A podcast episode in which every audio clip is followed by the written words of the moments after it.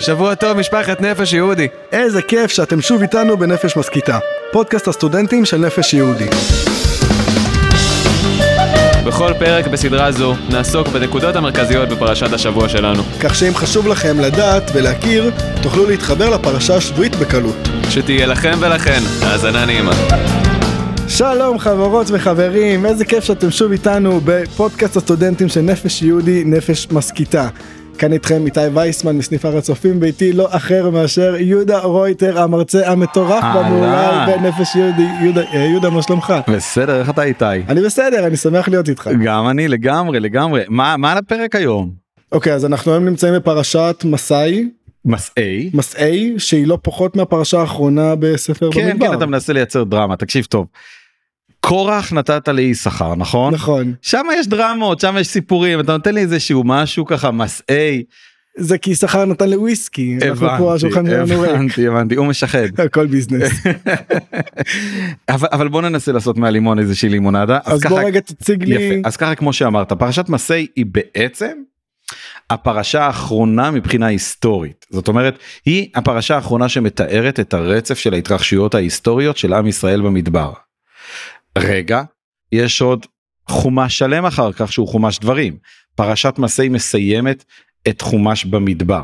אנחנו פוגשים את החלק האחרון בסיפור והוא גם מתרחש בנקודה האחרונה של עם ישראל במדבר על המפתן של יריחו בערבות מואב על ירדן יריחו שיריחו הוא נקודת הכניסה של עם ישראל לארץ ישראל אז אנחנו בעצם פוגשים את הסוף של הסוף זה סיפורו של הסוף. טוב אז אה, מהסוף הזה בוא נלך להתחלה ובוא בוא- ובוא כן. נתחיל אז ככה הפרשה בעצם פותחת בסקירה של כל המקומות שבו עם ישראל חנה במדבר זאת אומרת טכנית התנועה במדבר התבצעה עם עמוד ענן ועמוד אש שהוביל אותם חלק מהזמן הם היו בתנועה חלק מהזמן הם חנו מה שקבע אם הם חונים או לא חונים זה אם עמוד הענן מחליט לנוח. ואף אחד לא יודע מתי הוא מתחיל מחליט לזוז הלאה. וברגע שהוא מחליט לזוז הלאה צריך לקפל את האוהלים ולקפל הכל ולהמשיך לזוז. ככה במשך 40 שנה. מה המשמעות של זה כמו שאתה שואל? זו שאלה מאוד מעניינת כי על פניו ברמת הפשט זה סקירה היסטורית נורא נורא בסיסית. אלא שאם אתה כן נכנס לרובד של סוד וואו הסוד מתפוצץ פה. מבחינתו כל נקודה ונקודה מציינת התפתחות תודעתית רעיונית רוחנית של עם ישראל בדרכו הכוונה במדבר. כשאתה אומר סוד זה כאילו זה תורת הסוד נכון תורת הסוד. התייחסות של קבלה תורת אז כן לקחת את, ה. את הפסוקים האלה ולפגוש את הרובד הפנימי שלהם אוקיי וברובד הפנימי כל נקודה כזאת מציינת תהליך. אני אומר שבחלק מהתחנות התורה מציינת על איזה בקטנה על איזשהו מאורע שקרה שם. למשל כשמגיעים לאור ההר אז התורה תציין שבאור ההר מת אהרון. אוקיי אז יש לנו את התחנות כרצף כמסע שבחלק של מהתחנות נקודות של התפתחות ושל דברים משמעותיים יפה. שקרו שם. אז דברים כנראה שהדברים המשמעותיים האלה הם חלק מהתנועה והמסע שמנסים להצביע עליו. איזה יופי. ומה קורה אחרי זה אחרי שמסיימים את הסקירה של נקודות העצירה? יפה. אז בעצם אנחנו עכשיו נמצאים בערבות מואב על ירדן יריחו עומדים להיכנס לארץ ישראל. ומה שקורה פה זה בעצם ללמד את העם היהודי איך נכנסים לארץ ישראל והדבר הראשון שהם פוגשים זה את המושג שנקרא נחלת הארץ. זאת אומרת הארץ עומדת להתחלק בין השבטים. כל שבט יירש באזור מאוד מסוים וזאת תהיה נחלתו התמידית כשאנחנו מסתכלים על מפת ארץ ישראל ורואים חלוקה לשבטים זו החלוקה שקרתה כאן. ומי חילק אותם משה כן, משה מחלק אותם על פי גורל. יש ציווי מיוחד איך הטכניקה הספציפית הזאת קורית, מטילים גורל וכל אחד מקבל חלק לפי הגורל, איפה יהיה החלק שלו והנחלה שלו. זאת אומרת הם כבר היו 12 שבטים בשלב הזה בעצם מההתחלה ועכשיו אלא ש... מחלקים אותם חלוקת... 12 כן, נחלות? היו 12 שבטים מתחילת המדבר. חלוקה לשבטים הייתה מאז ומעולם. ב... ברגע שבאים לארץ ישראל חלוקה לשבטים מקבלת ביטוי בתוך המפה של ארץ ישראל כי כל שבט מקבל נחלה בפני עצמה ובני השבט מתחלקים באותה נחלה.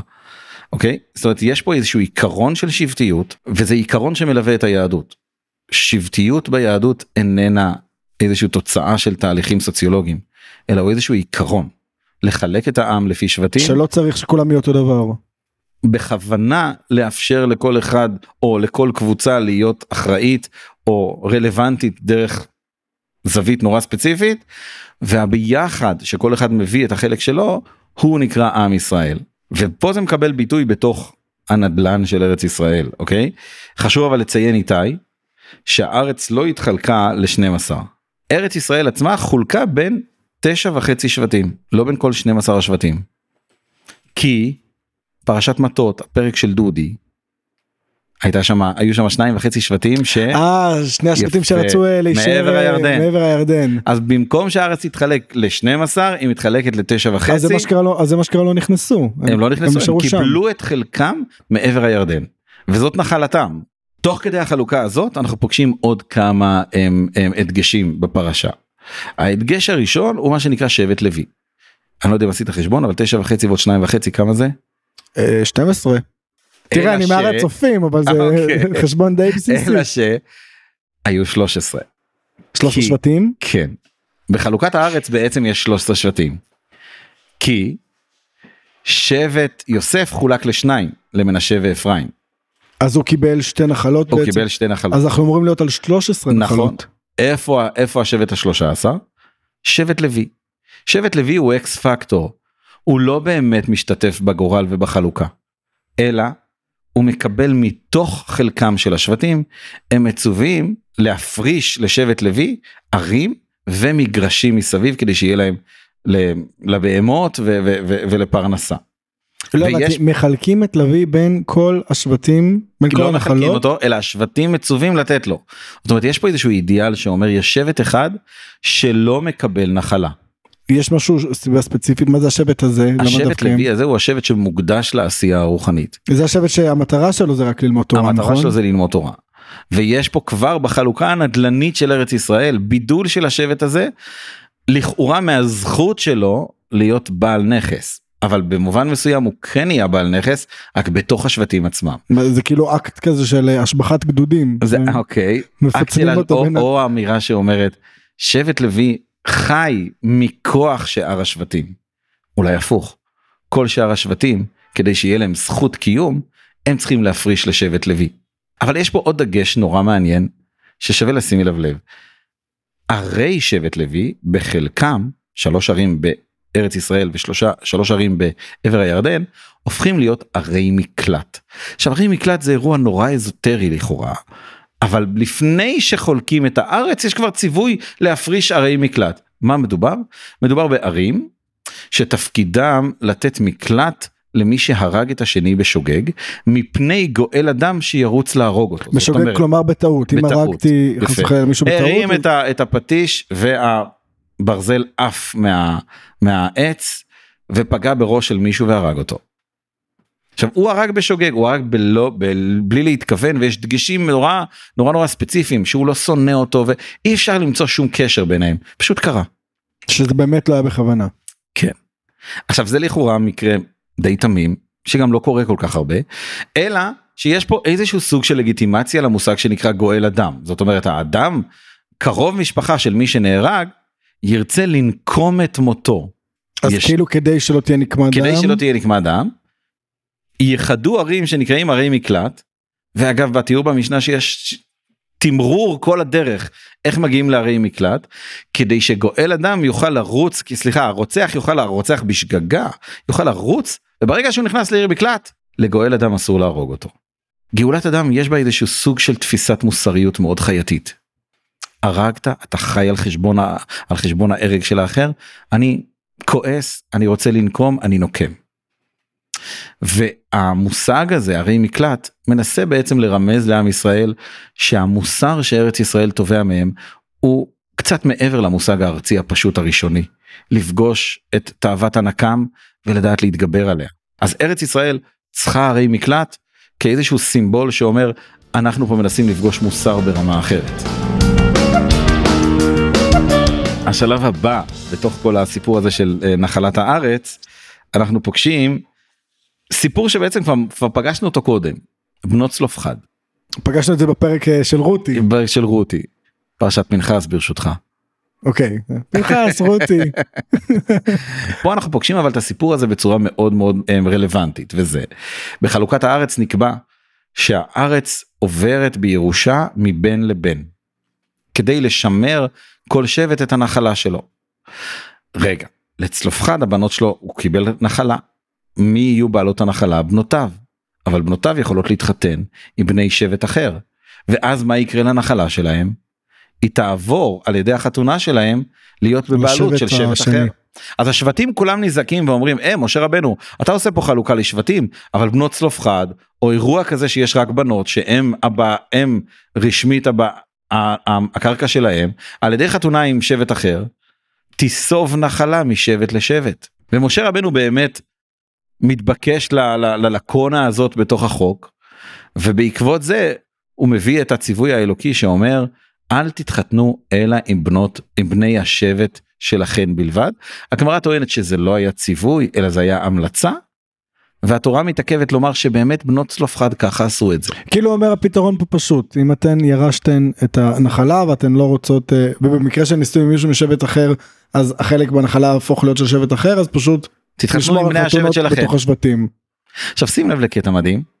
זאת הפרשה האחרונה בתורה. זה הסיפור שסוגר זה את כל- הסיפור שסוגר את, את, את, כל, את, כל, ה- את, כל, ה- את כל ארבעת הספרים הראשונים. אתה חושב שיש סיבה מיוחדת שדווקא עם אתה הסיפור חושב הזה שלא? לא. יכול להיות שלא. מרגיש משהו קצת אה, אתה יודע עניין משפטי כזה קטן על אה, נדל"ן אה, יפה יפה. יש פה יש פה איזשהו פאנץ' מאוד משמעותי. ישנה תפיסה מאוד רווחת. אני חושב שאפשר לפגוש אותה היום מאוד מאוד חזק בז'אנר מאוד חזק של היסטוריוסופים. אפשר אפילו להזכיר שמות אבל בוא נשחרר את זה לרגע. שהם בעצם מסבירים לנו מי אנחנו דרך הרצף שלנו מאורעות ההיסטוריים שגרמו למין האנושי להתהוות. זאת אומרת יש, יש לנו תפיסה שאומרת ההיסטוריה מייצרת מציאות. הפרשה הזאת נכתבה דרך מאורע היסטורי שגילה חוק. בעיניי המסר פה הוא הפוך, שהתודעה ההיסטורית התנ"כית רואה את ההיסטוריה כמשרתת את הרעיון. ישנם רעיונות שצריכים לבוא ולהתגלות, אז יקרו מאורעות היסטוריים שיגרמו כאילו לרעיונות האלה המציאות לצוף. חושפת את מה מקסים. שממילא היה אמור להיחשף. המציאות לא מייצרת, אלא היא חושפת. האדם התבוני לא נוצר כתוצאה של תהליכים היסטוריים, אלא היה צריך לבוא אדם תבוני למרחב, אז התהליכים ההיסטוריים אפשרו את זה. וזו תודעה היסטורית, שאומרת ההיסטוריה משרתת וחושפת את מה שהיה צריך להיחשף. טוב, תראה עם תובנה כזאת אני מצליח להבין למה זה יהיה יפה. הסיפור האחרון שסוגר את התורה זה ממש אה, זאת אומרת עם ישראל לא התהווה בגלל המדבר, הוא היה צריך להתהוות, אז נוצר, נוצרו 40 שנה במדבר כדי להוות אותו. וואי איזה פרשה מטורפת הייתה. הוצאת ממנה משהו, אה? לא, קרו בה המון דברים משמעותיים, מהתחנות עצירה לחלוקת. הארץ לשבטים, העניין עם הערי מקלט, עוד פעם ההתייחסות לבנות אה, צלופחד, עם התובנה הזאת שהבאת, זה אחלה פרשה. לסגור איתה את התורה. אה, תודה רבה יהודה שהיית אגב, איתי היום. לא מסיימים איתה את התורה, מסיימים איתה את הסדר הכרונולוגי, הכרונולוגי. ועכשיו אז ספר בפרק דברים, הבא יש לנו, הוא- או ספר דברים הוא בעצם חזרה ו rewind של משה רבנו על כל תקופת המדבר. אז לא לא הבנתי, אז מה יקרה עכשיו בפודקאסט שלנו? כל הפרקים יחזרו על עצמם? תצטרך להיות מאוד מאוד מקורי, אבל אל תדאג, משה רבנו מספק הרבה נקודות עניין חדשות. טוב בסדר, אז זה גם מעניין, תודה רבה יהודה. בכיף איתי. ביי ביי.